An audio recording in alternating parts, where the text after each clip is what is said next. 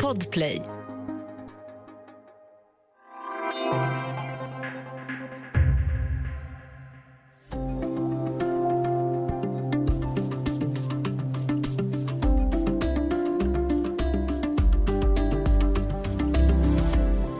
Frankrike skakas av ett gammalt rättsfall som nästa vecka tas upp i Högsta domstolen.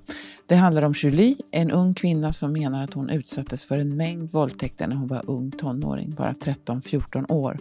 Tre av de brandmän hon anklagar för detta står nu åtalade. Fallet har satt ljus på en lagstiftning som speglar en förlegad syn på sex och vad det innebär att ha sex med barn.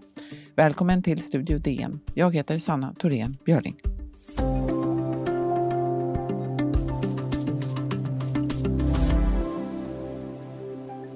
Ja, det har gått tre och ett halvt år nästan sedan hösten 2017 då metoo drog igång med parallella rörelser över hela världen. De såg ofta lite olika ut. I Sverige kom ju till exempel tidigt de här yrkesrelaterade uppropen. Nu en tid senare har debatten också tagit olika form på olika håll. Idag ska vi prata med DNs korrespondent i Paris, Erik de la Regera, om vilken utveckling debatten har fått i Frankrike nu tre år senare. Välkommen Erik! Tack så mycket! Om man börjar lite kort bara, hur stort blev metoo i Frankrike då när det eh, först lanserades?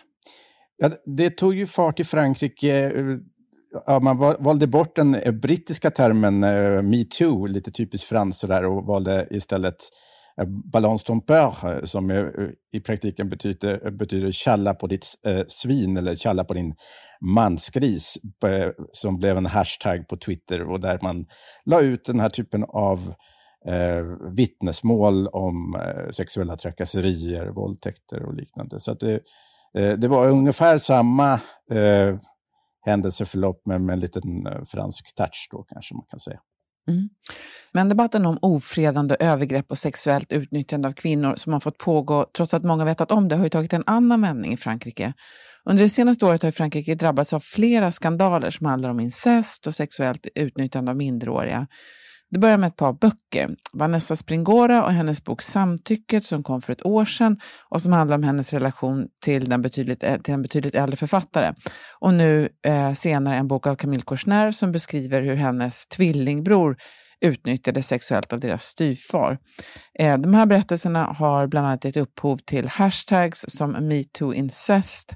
Erik, kan du berätta hur har de här berättelserna tagits emot? Ja, nu i vinter så har ju den här diskussionen tagit fart på allvar verkligen. Men eh, det var Vanessa Springoras eh, bok eh, fick naturligtvis stort genomslag för ett år sedan och det eh, förstärktes också av den här skandalen kring Roman Polanskis eh, eh när han fick eh, en Caesar för sin film med Jacques. Eh, och då bland eh, andra skådespelerskan eh, Adele Enel marscherade ut i protest och skrek lev pedofilin, ja, sarkastiskt då naturligtvis, för att eh, protestera mot att Polanski som har dömts och anklagats för många övergrepp på kvinnor har då blev prisad på det här viset. Och det, det här är ju också Eh, eh, alltså mycket i detta handlar ju om att, att omvärlden eller, de här männens omgivning har försökt liksom tysta ner eh, eller inte talat om det som man har vetat om. Och i fallet då med den här senaste boken som, av Camille Kouchner, som handlar då om hennes styvfar Olivier Duhamel, som är en känd statsvetare och bland annat varit ordförande för eh, Sions på den här elitskolan eh, som har, som har fostrat många ledande politiker i Frankrike. Han, eh, han, hennes eh, vittnesmål om hur eh, enligt henne då har förgripit sig på hennes tvillingbror från att eh, han var 13 år har ju skakat Frankrike, och, men kanske framför allt för att det har blivit så uppenbart att det här har varit något som folk har känt till i kretsarna kring honom och att man har liksom valt att inte prata om det, inte anmäla det och inte överhuvudtaget röra vid det. Och det var samma när det gäller den här eh, författaren Gabriel Matzneff som eh, eh Vanessa Springora har en, eh, en, relation med och där, man, där han till och med har skrivit eh, om sina relationer med, med barn i sina böcker. Och där man har egentligen i praktiken bara eh, ja, blundat för detta och, och sett det som bara, bara litteratur och inte alls kopplat till, till någon verklighet. Nej, han blev väl uppbjuden till eh, dåvarande presidenten Mitterrand också efter de här eh, böckerna. Ja, visst, och han har ju fått eh, stöd, eh, finansiellt stöd, eh, även, skulle man kunna säga, nästan moraliskt stöd av sina vänner och uppburna vänner runt om i den kulturella eliten och även av politiker. Mm. Så, så att det här är liksom, skandalerna har, blivit, har växt och blivit större just på grund av detta. Bara häromdagen så tvingades eh, eh då eh, den nuvarande, eller den som var rektor för Sciences Po, tvingades avgå här bara häromdagen för att han då hade känt till eh, eh de här anklagelserna mot Diamel i åtminstone två år och inte sagt någonting. Frédéric Mion. Det, enligt någon undersökning som jag läste om så är det 10 procent av eh, personer i Frankrike som har utsatts eller eh, har erfarenhet av incest. Det är jättemycket. Men de, debatten om, om sex med minderåriga har också fått ny fart genom ett rättsfall då som jag, rör händelser som ligger tio år tillbaka i tiden eller mer än så. I centrum för den står en kvinna som kallas Julie som när hon var tonåring då menar att hon utsattes för verkligen fruktansvärda övergrepp av 20-talet brandmän. För de då som inte känner till det här fallet, eh, vad var det som hände då? Kan du berätta lite om det bara? Ja, det här var ju alltså 2008, 2009, så det är ju drygt tio år sedan. Hon var 13 år när det här inleddes. Hon i, bor i, eller bodde i, södra Paris och fick ett panikanfall med kramper i skolan och hade problem med, med psykologisk, äh, psykisk ohälsa. Och då kom det några brandmän till skolan som hjälpte henne till sjukhuset. Och en av de här brandmännen, då, Pierre, eh, som då var 21 år, han, han fick, en, fick hennes nummer ur journalen och sen började han ta kontakt med henne, skicka meddelanden och de började chatta och sen blev det sexuellt laddat och han bad henne ta av sig, att hon skulle ta av sig kläderna och sen eh, efterhand då, eh, så började han dela med sig av hennes nummer till andra brandmän som ja, och bad om, om samma sak. Och det här var ju då samtidigt som hon gick på väldigt starka antidepressiva mediciner och andra typer av, eh, annan typ av medicinering för sin psykiska ohälsa. Och det var ofta så att de eh, då kom till hennes hem för att eh, hon ringde och mådde dåligt. Och, eh, både brandmän och ambulansförare. Men det är framförallt de här brandmännen från den här specifika brandstationen då, som hon anklagar för att ha utnyttjat henne sexuellt och har våldtagit henne under, under ett par års tid. Och det är alltså 22 brandmän som hon anklagar. Nu är det bara tre som har åtalats. Och det här är då efter tio års utredning, väldigt lång utredning, eh, som har naturligtvis har väldigt, varit väldigt jobbig för henne och hennes familj. Mm. Vi ska alldeles strax prata lite mer om den här eh, brottsrubriceringen eh, och brott, det här fallet.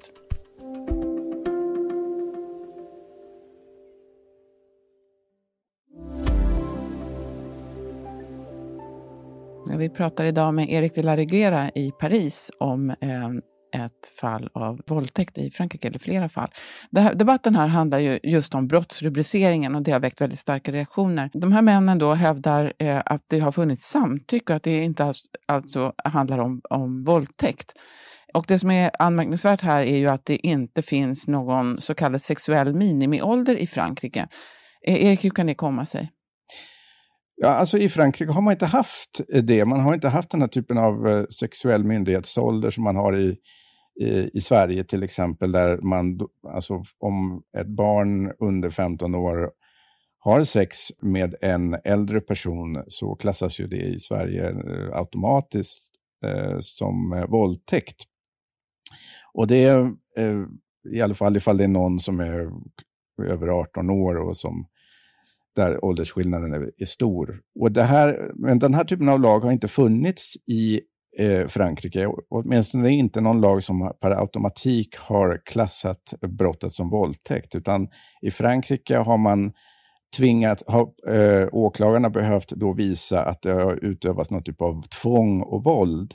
Så att man har liksom inte kunnat utgå från att det inte har funnits något eh, eh, samtycke från barnets sida. Och det här, den problematiken är innebär ju naturligtvis att barnet ofta får frågor, och det är även i det här fallet med Julie, där hon har fått frågor då om varför skrek du inte? Varför bet du inte ifrån? Eh, hur kommer det sig att eh, eh du inte gjorde som andra kvinnor som attackeras? Och, och varför var du så passiv? Och det här, hon har ju själv då eh, sagt att det var för att hon var helt enkelt paralyserad av rädsla ofta. Eh, det här var ju betydligt äldre män och, och i åtminstone ett fall så rörde det sig om en grupp våldtäkt då enligt henne, medan männen hävdar att det rörde, rörde sig om gruppsex.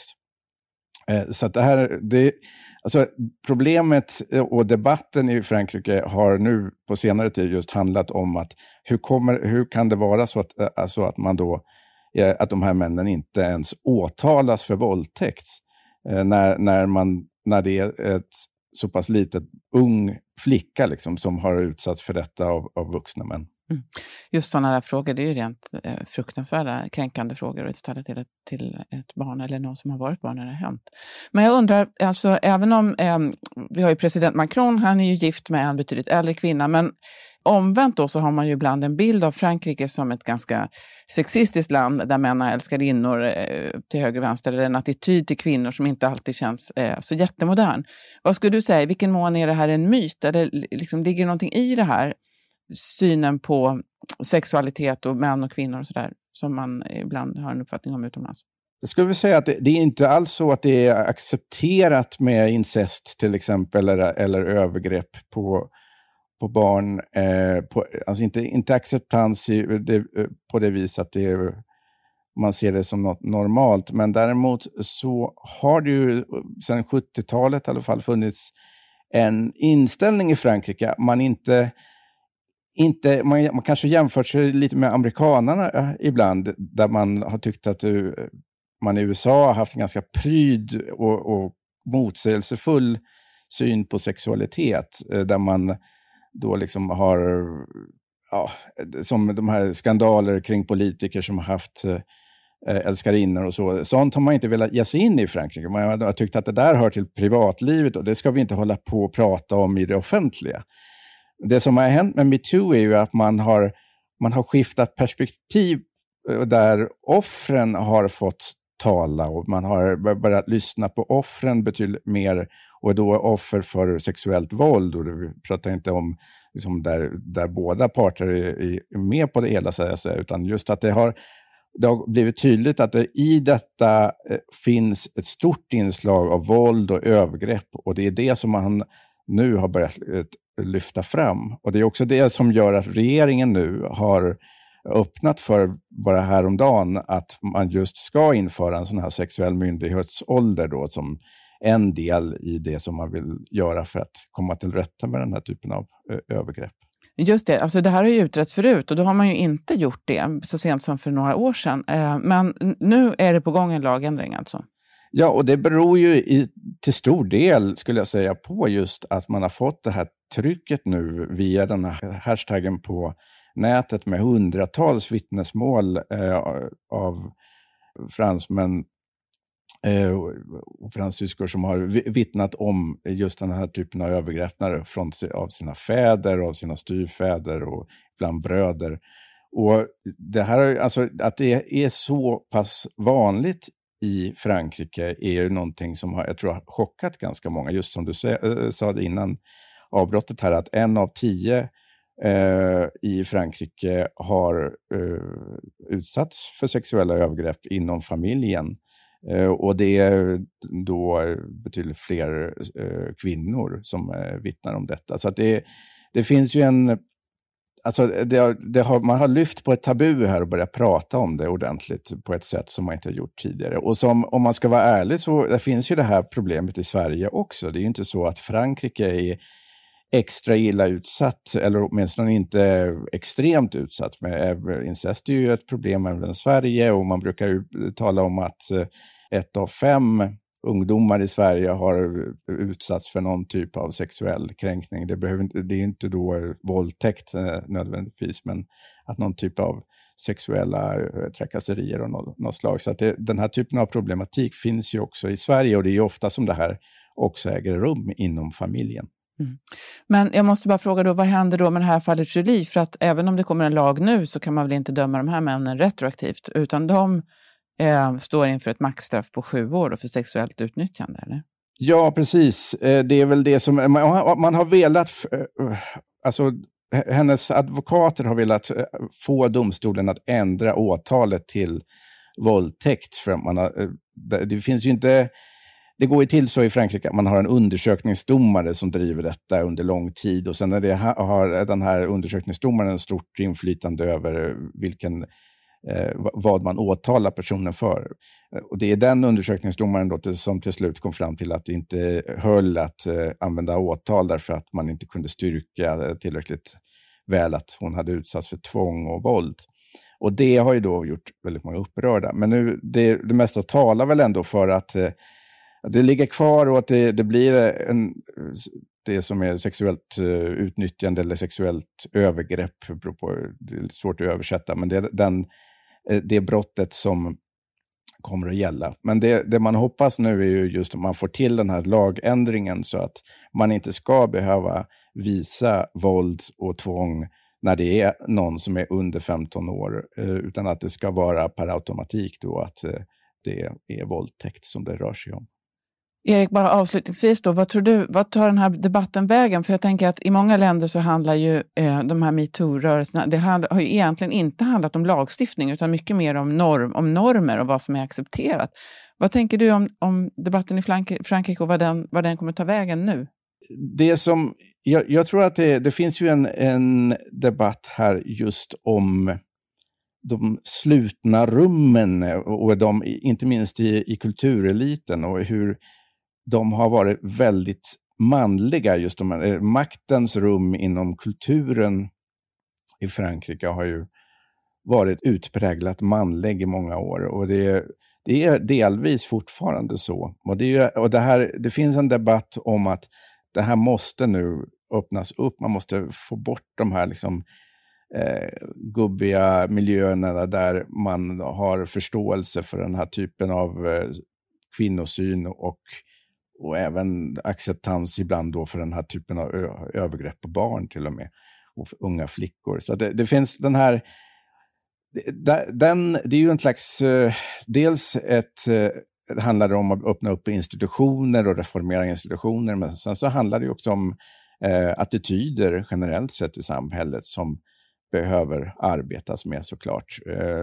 Men det, det är någonting som kommer att ta längre tid. Men det, jag tycker ändå att man kan säga att Frankrike nu genom den här debatten har tagit stora steg mot att konfrontera problem som länge har varit tabu, tabubelagt och som, ja, här talar man om att eh, det, det, positiva med det här är kanske att Frankrike till och med kan kanske leda någon typ av debatt nu som kan dyka upp i andra länder just om övergrepp mot barn och eh, ja, den eventuella acceptans som finns för detta i vissa kretsar. Då.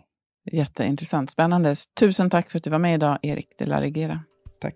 Studio DN görs för Podplay av producent Sabina Marmelakai, exekutiv producent Augustin Erba, ljudtekniker Patrik Miesenberger och teknik Jonas Lindskog, Bauer Media. Jag heter Sanna Thorén Björling.